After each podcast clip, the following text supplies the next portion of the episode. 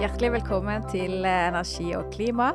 Mitt navn er Kirsten Øystese, og i denne første podkastepisoden i 2023 skal vi dykke ned i en klimaløsning som har, eller i hvert fall har hatt, et litt frynsete rykte. Men som likevel er og kommer til å være en veldig viktig klimaløsning de neste ti årene. Temaet for denne podkastepisoden er biodrivstoff. Biodiesel, bionafta, etanol, biogass Det er mange drivstofftyper som er laga av en eller annen form for biomasse. I Norge bruker vi mellom 500 og 600 millioner liter biodrivstoff i året. Vi er i verdenstoppen i bruk av biodrivstoff. Men til tross for at vi er storforbrukere, så produserer vi lite biodrivstoff her i landet. Det aller, aller meste av biodrivstoffet som vi bruker i Norge, er importert. Men dette kan være i ferd med å endre seg. På Tofte i Asker har selskapet Silva Green Fuel bygd et demonstrasjonsanlegg for produksjon av biodrivstoff fra flis og rester fra skogbruk. Administrerende direktør i Silva Green Fuel, Per Are Hellebust, sier at det interessante for norske Statkraft og svenske Södra, som eier selskapet Silva Green Fuel sammen, det er å skape nye arbeidsplasser basert på et kortreist produkt som har en god klimaeffekt. Både Södra og Statkraft, som er eh, eiere, ser at det er et stort potensial for eh, å bruke bioenergi, og at det er en fornybar eh, ressurs. Og det er innafor si, strategien til begge selskapene. Så vi er helt åpenbart at vi har tro på, på dette, og at vi kan være med på det grønne skiftet ved denne satsinga. 250 km sør for demonstrasjonsanlegget til Silva Green Fuel i Asker er et annet industriprosjekt for biodrivstoffproduksjon under utvikling. Selskapet Biosin vil også bruke skogsråstoff til å lage avansert biodrivstoff. Administrerende direktør i Biosin, Thomas Gardal, har eh, særlig tro på at eh, etterspørselen etter biodrivstoff kommer til å øke, ikke minst innen luftfart og skipsfart. Det er jo et stort mål om å klare å erstatte fossile, fossile drivstoff. Eh, få til det grønne skiftet. og Da er det mange løsninger som må til for å få til det. Altså det helt, altså vi ser jo Bilparken er i ferd med å bli elektrifisert. Og så er det noen som jobber med hydrogen og andre med ammoniakk. Men her er det mange løsninger som må til. For det er enorme volumer av fossil råolje som skal erstattes. Og, og, vi tror biomasse i Norge er et godt potensial for å være en del av løsningen. Vi skal høre mer om biodrivstoffprosjektene i Åmli og Asker. Men aller først trenger vi en liten biodrivstoffintroduksjon. Og til å hjelpe med det, så har jeg invitert Mats Nordum, som er seniorrådgiver i Miljødirektoratet, og har fagansvar for biodrivstoff. Velkommen til Energi og klimas podkast, Mats. Tusen takk. Aller først, når begynte vi å bruke biodrivstoff i biler og busser og andre kjøretøy? Altså, Biodrivstoff har man jo drevet med helt fra forbrenningsmotoren eh, kom og testet ut på slutten av 1800-tallet, hvor man testet både etanol og vegetabilsk olje i det da som etter hvert ble diesel- og bensinmotorer. Og så ble dette helt avleggs å bruke biomasse til det, etter hvert som man fant masse billig fossilt uh, diesel og bensin man kunne bruke i stedet. Men så har man jo hver gang det er en oljekrise, at oljen er dyr eller man ikke får tak i det, enten det er en krig, f.eks. verdenskrigen eller oljekrisa på 70-tallet. Da blir det jo veldig interessant å se på andre typer karbonholdig drivstoff til energiformål.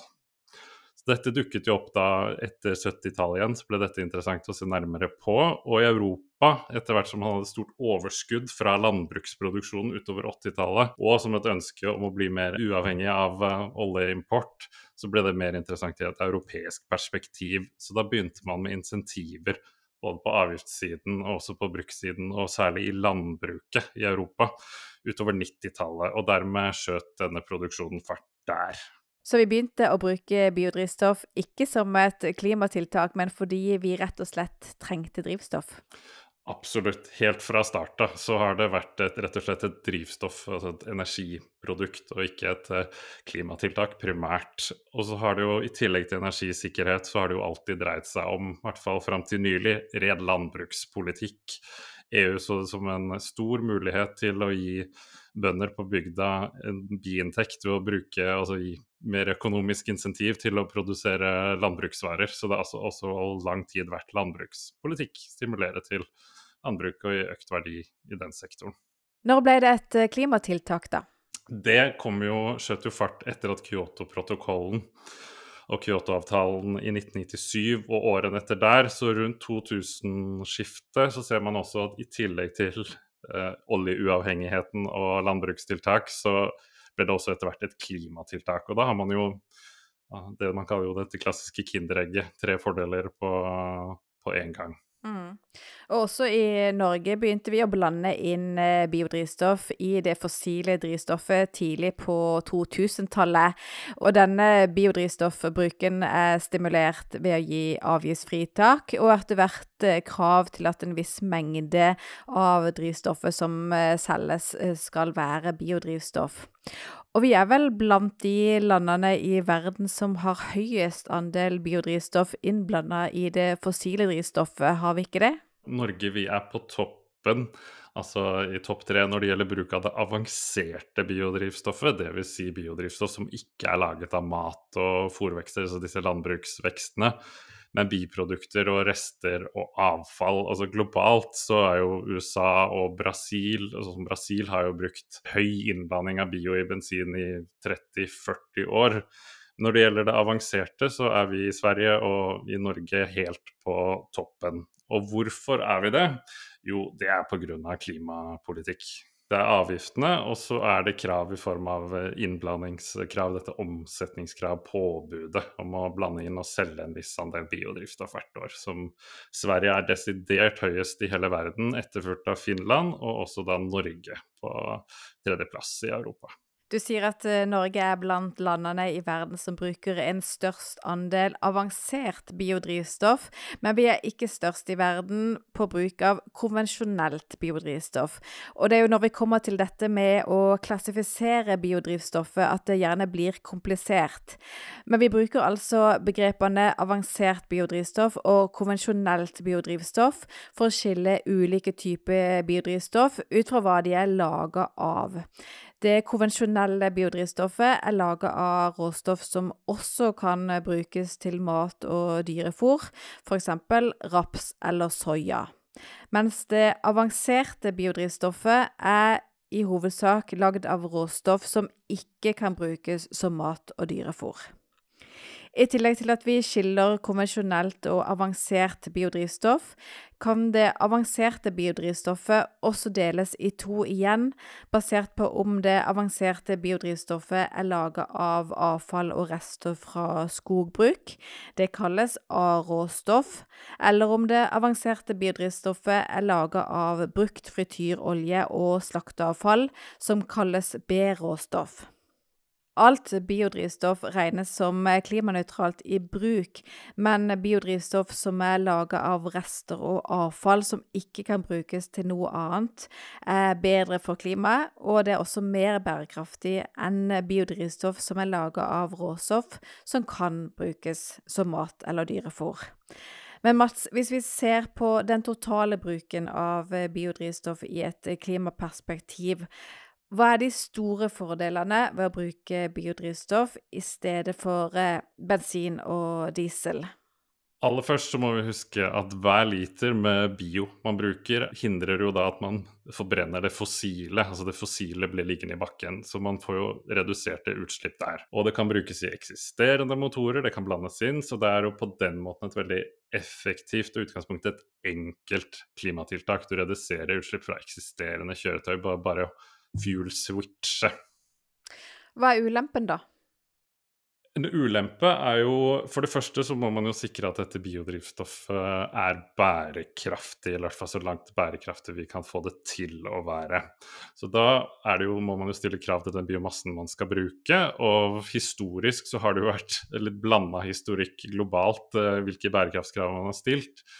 Men nå så er det jo mye strengere krav at i hovedsak vi skal bruke rester og avfall, den type biomasse som ikke kan brukes til mat og dyrefôr. Så det er jo veldig viktig. Så det er jo en ulempe hvis man ikke stiller de kravene.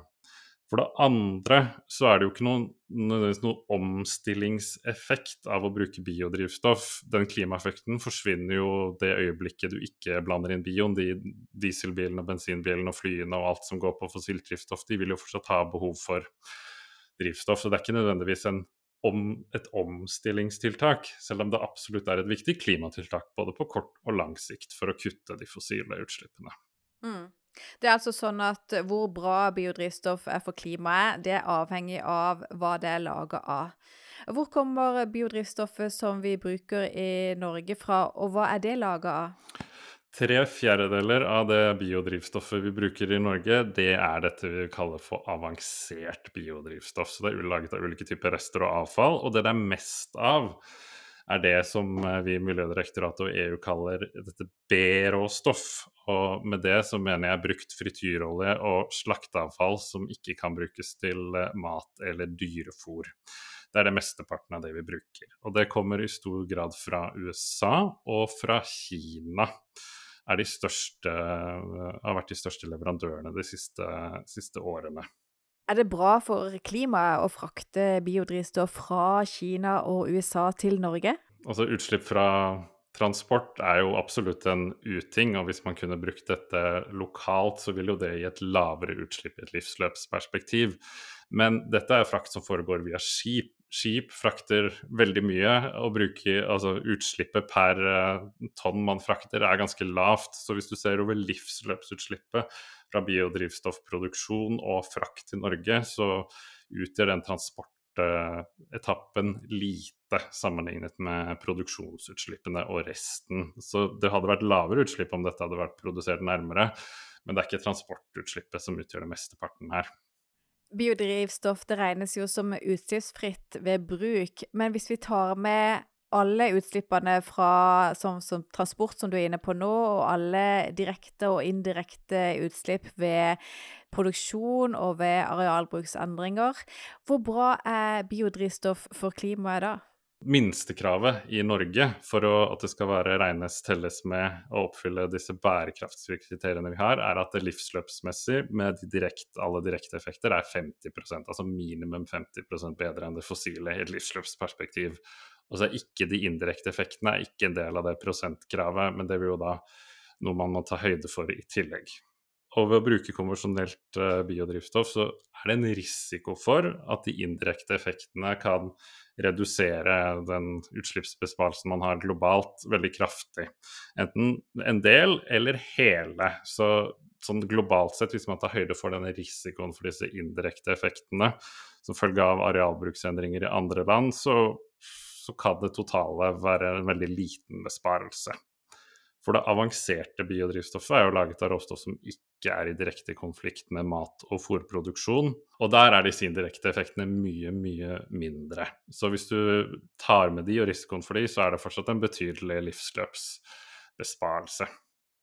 Og for det konvensjonelle, er det da en fare for at det, Du sier at besparelsen kan være liten, men kan besparelsen også være negativ? Altså at det er verre for klimaet enn fossilt drivstoff? Altså, det, det, er en risiko, ja. Så det har jo vært gjort en rekke studier, og dette var jo veldig, veldig i vinden i, i, media og i EU, altså hele, hele 2010-tallet. Så er det studier som viser at ja, det kan Hvis du summerer de to, så er det en med disse indirekte effektene, så er det en risiko for at det kan ha vært verre. Og da har det vært, særlig vært knyttet til palmeolje og soya, som har hatt størst risiko her, også risiko for høyest utslipp.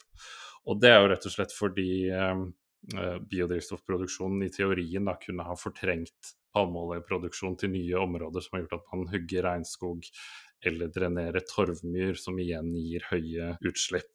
Hvor trygge er dere i Miljødirektoratet på at det biodrivstoffet som vi bruker i Norge, oppfyller disse kravene? Det er vi ganske så sikre på. Det er uh, regelverket i Norge som er helt basert på det i EU. Det stiller ganske strenge krav. De må ha dokumentasjon og sertifisering og dokumenter, disse som uh, selger dette biodrivstoffet. Og det må være kontrollert av uavhengige revisorer i alle ledd oppover i verdikjeden. Så det, så det er vi trygge på at uh, er. Og vi har ikke sett noe til nå. Vi har jo hatt tilsyn, og vi har ikke funnet noe som tyder på at dette ikke er bærekraftig.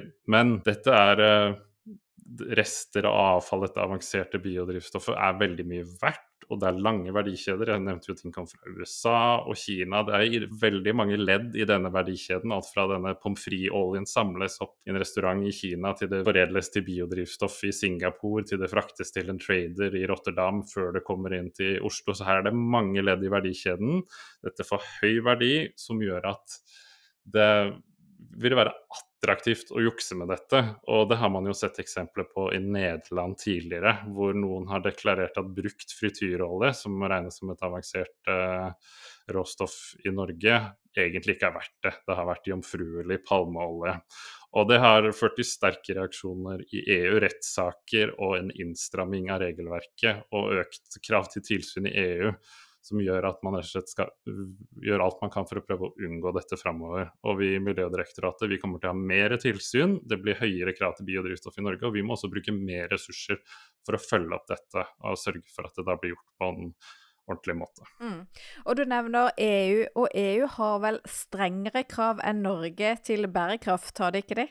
Det er eh, riktig. E, vi er jo et EØS-land, så det er jo alltid litt forsinkelse eh, i det EU-regelverket, altså det som blir EØS-relevant og vi tar inn. Så vi er litt på etterskudd i Norge med å ta inn noen av de strengere bærekraftskriteriene.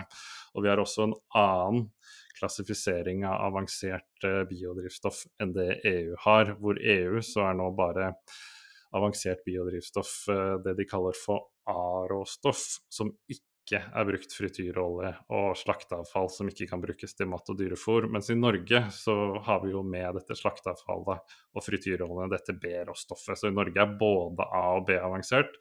Mens i EU så er bare A avansert. Men er dette midlertidig i Norge? Altså Kommer vi også til å klassifisere brukt frityrolje og slakteavfall annerledes eh, om, om en stund? Det er ikke utenkelig. Vi har jo utredet uh, dette før og pekt på at det kan være en vei å gå for Norge. Og så er jo, Vi er jo et direktorat, så vi bestemmer jo ikke politikken her, det er opp til politikerne. Men det er jo noe vi har anbefalt at man ser nærmere på. Og akkurat i disse dager så utreder vi et eget krav til A-råstoff, altså dette beste avanserte biodrivstoffet, altså EU-avansert, også i Norge. Så det holder vi på å konsekvensutrede akkurat nå. Men jeg kan jo si hvorfor vi har så mye amerikansk eh, biodrivstoff i Norge for øyeblikket, er at Norge er jo ikke med, er ikke med i EUs tollunion. Så det er noen andre tariffer inn til EU som har gjort at har vært, eh, Norge har vært et særlig attraktivt marked de siste årene som eksportland for eh, biodrivstoff.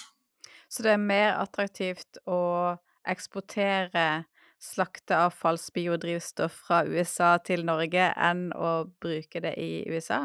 Stemmer. Og hvor lenge det vil fortsette, det er, tror jeg ikke nødvendigvis er så veldig lenge. Der er jo både på føderalt nivå, men også særlig på delstatsnivå så stilles det jo økte krav til bruk av biodrivstoff i USA. Og dette henger jo sammen med at etter hvert som man reduserer utslippene fra kraftproduksjon, så må vi de andre landene også begynne å redusere utslipp fra transport for å nå klimamålene. Mens det begynte vi jo veldig tidlig med i Norge, å redusere utslippene fra transport. Så nå skal resten av eh, Vesten begynne å bruke det avanserte biodrivstoffet også.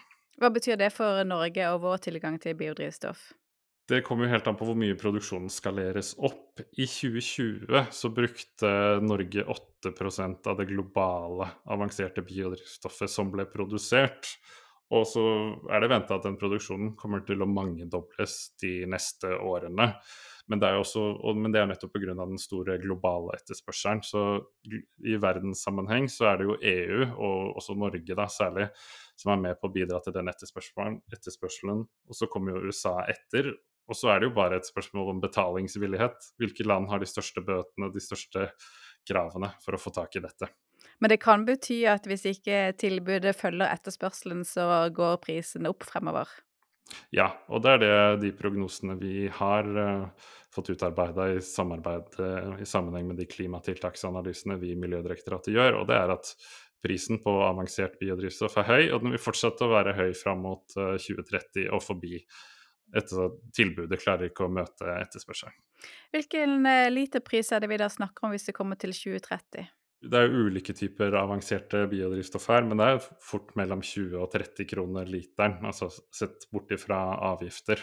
Og da kan det kanskje bli lønnsomt å produsere biodrivstoff i Norge basert på eh, skogsråstoff, f.eks.? Absolutt. Altså, dette er jo kjempehøy betalingsvillighet uh, for dette i Norge i dag, men også da i Europa og Vesten etter hvert som kravene og dekarboniseringen i transport tar form. Skjønner. Du, takk for praten, Mats. Det er altså god grunn til å forvente at etterspørselen etter biodrivstoff vil øke i verden, og at kravene til bærekraft bare blir strengere. Og det er disse markedsutsiktene som gjør det interessant for både Biosin i Åmli og Silva Green Fuel i Asker å satse på biodrivstoff laga av rester og avfall og det som kalles lavverdig skogsråstoff. Dette er avansert biodrivstoff laga av det som klassifiseres som A-råstoff, og altså det mest bærekraftige. Da jeg snakka med administrerende direktør i Silva Green Fuel, Per Are Hellebust, rett før jul, fortalte han at demoanlegget i Asker ble satt i drift for et drøyt år siden, etter en nøye vurdering av ulike teknologier. Silva Greenfuel det startet uh, egentlig for uh, egentlig rundt 2014, men uh, det starta vel kanskje ikke veldig heftig før i 2016. Hvor man vurderte forskjellige typer teknologier, og om man skulle gå videre med dette. vi fant en teknologi som vi trodde på, og i 2019 så tok vi en investeringsbeslutning på å bygge et demoanlegg, for vi mente det var riktig og viktig å teste ut anlegget, i og med at det var ny teknologi, før man går på et uh, storskalaanlegg. I demoanlegget så blir skogsråstoff til flytende olje.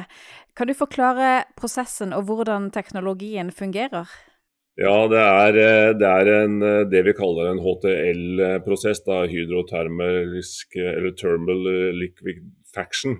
Uh, og det går egentlig på at vi bruker uh, flis som vi hogger opp. Vi, vi tilsetter noen stoffer, noen katalysatorer og, la, og, og olje bl.a.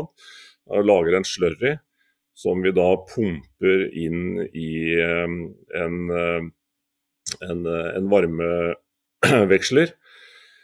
Eh, der har vi veldig høy temperatur og trykk, og da omdannes denne slurryen eh, Det er mer sånn, nesten sånn peanøttsmør, kan man vel kalle det. Eh, over til olje.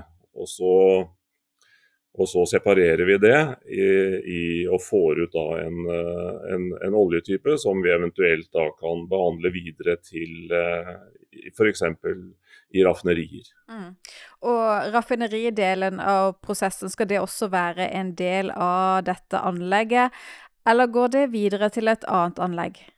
Det er eh, noe vi vurderer, men eh, sannsynligheten for at vi skal drive med raffinering fra A til Å er eh, liten. Det er bedre å, å bruke etablerte firmaer som kan den type prosesser, enn at vi skal bygge det sjøl. Men akkurat hvor langt i verdikjeden vi skal gå, det, det er ikke besluttet. Okay.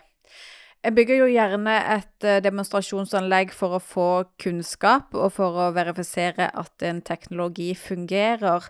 Hva har eh, demoanlegget deres gitt av kunnskap hittil? Ja, det er eh, veldig mange små ting, egentlig.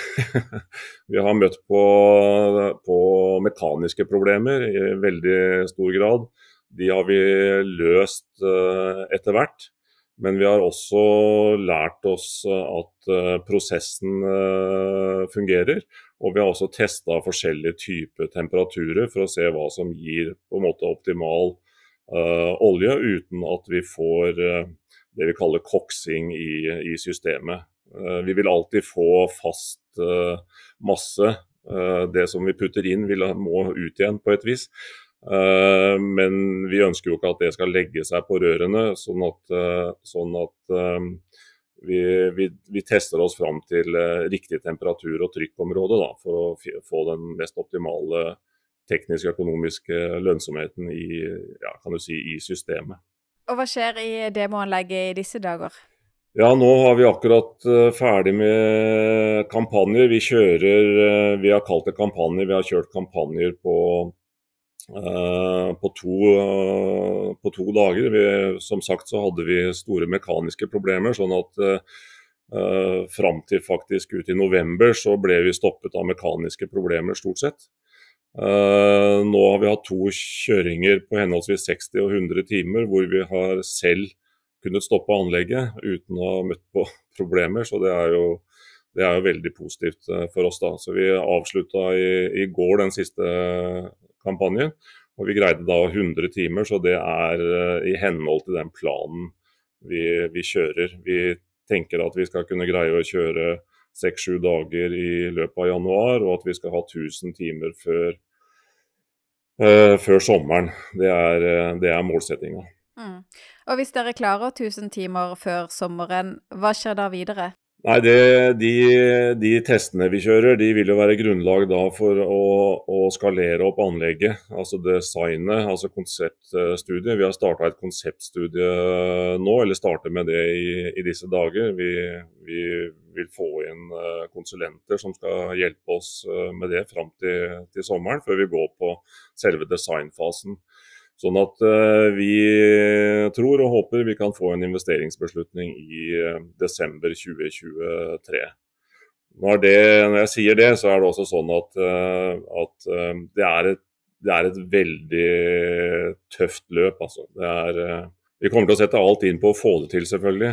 Men vi vet også at det er ganske ambisiøst å greie å komme i mål med alt det vi skal inntil eh, til desember 2023. Eh, ja, og hvis dere da tar en positiv investeringsbeslutning i desember 2023, når kan anlegget stå ferdig og være i drift? Ja, Da starter vi eh, bygging relativt umiddelbart. Altså Vi må jo selvfølgelig sende ut eller få, få entreprenører og, og, leverandører selvfølgelig på plass. Men vi starter byggingen da i 2024, og vi regner med at vi kan ha et anlegg på plass i 2025. Og når anlegget er i full produksjon, hvor mye produserer dere da i løpet av et år? Vi regner med å produsere 100 millioner liter per år i et stort anlegg. Mm.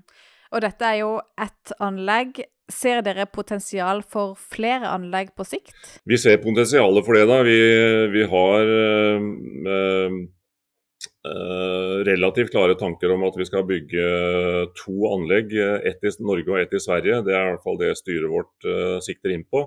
Også at vi ønsker å se på å bygge tre til innen 2030.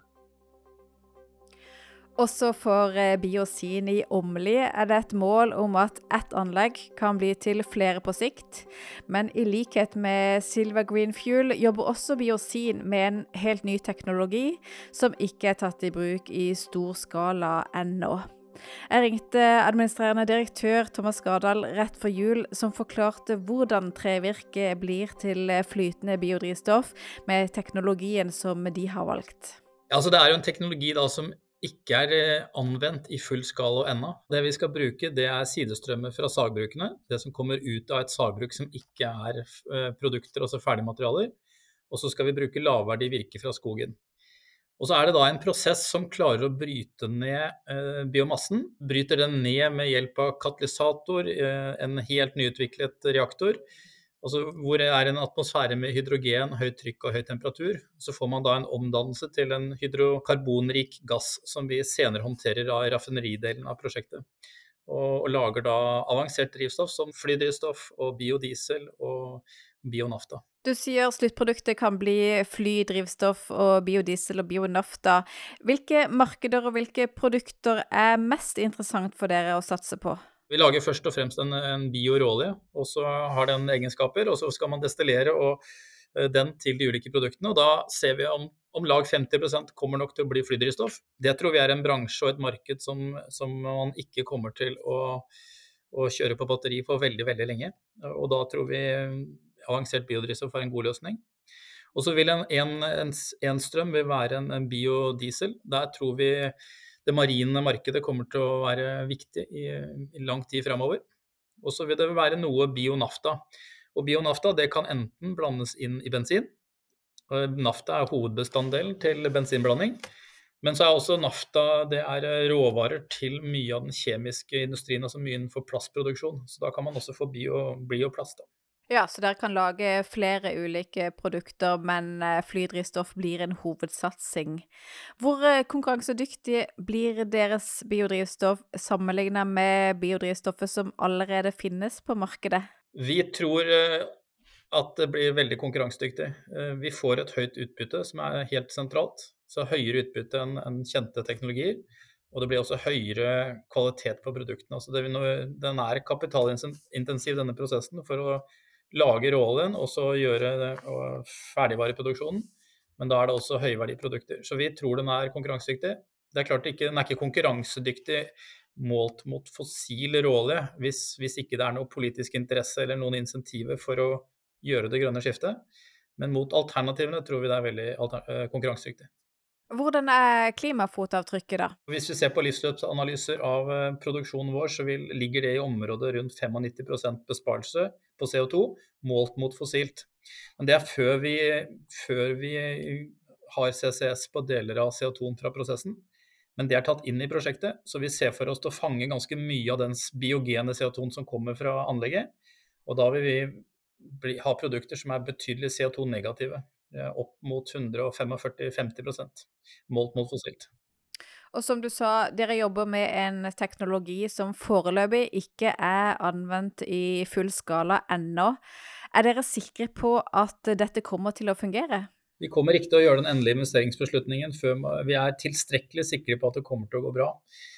Så Shell har jobbet med teknologien nå i over ti år, og de har også en, en, et demonstrasjonsanlegg i India. Så mye av teknologiutviklingen eh, Mye av den foregår der, og resultatene derfor er gode. Men det er sånn når man skal ta det fra demo og størrelse til full skala kommersielt sett, så vil det være noe risiko man tar med seg. Men eh, gitt at denne risikoen er håndterbar, når forventer dere å være i produksjon? Vi har gjort noen store, viktige milepælsbeslutninger siste året. Og så, så, har vi en del fortsatt foran oss før vi gjør den endelige investeringsbeslutningen. Men den, den håper vi å kunne gjøre sommeren 24. Og hvis vi gjør det, så har vi produksjon eh, i, ja, i området 26-28, men vi tror på mest på 2027. OK, da må dere ha lykke til med arbeidet, og takk for praten, Thomas. Silva Green Fuel i Asker håper altså på å ta en investeringsbeslutning mot slutten av 2023, mens Biosin i Åmli satser på å ta en investeringsbeslutning et halvt år seinere. Vi i Energi og klima kommer til å følge med på hvordan det går med disse prosjektene, på samme måte som vi følger med på en rekke teknologier og industriprosjekter som kan erstatte fossil energi og kutte utslipp. Det kan godt være du får høre mer om Silver Green Fuel og biosin i en senere podkast, men eh, dette var alt for denne gang. Abonner gjerne på Energi og klima der du foretrekker å høre på podkaster, så får du neste episode automatisk opp i spillelista di. Takk for i dag.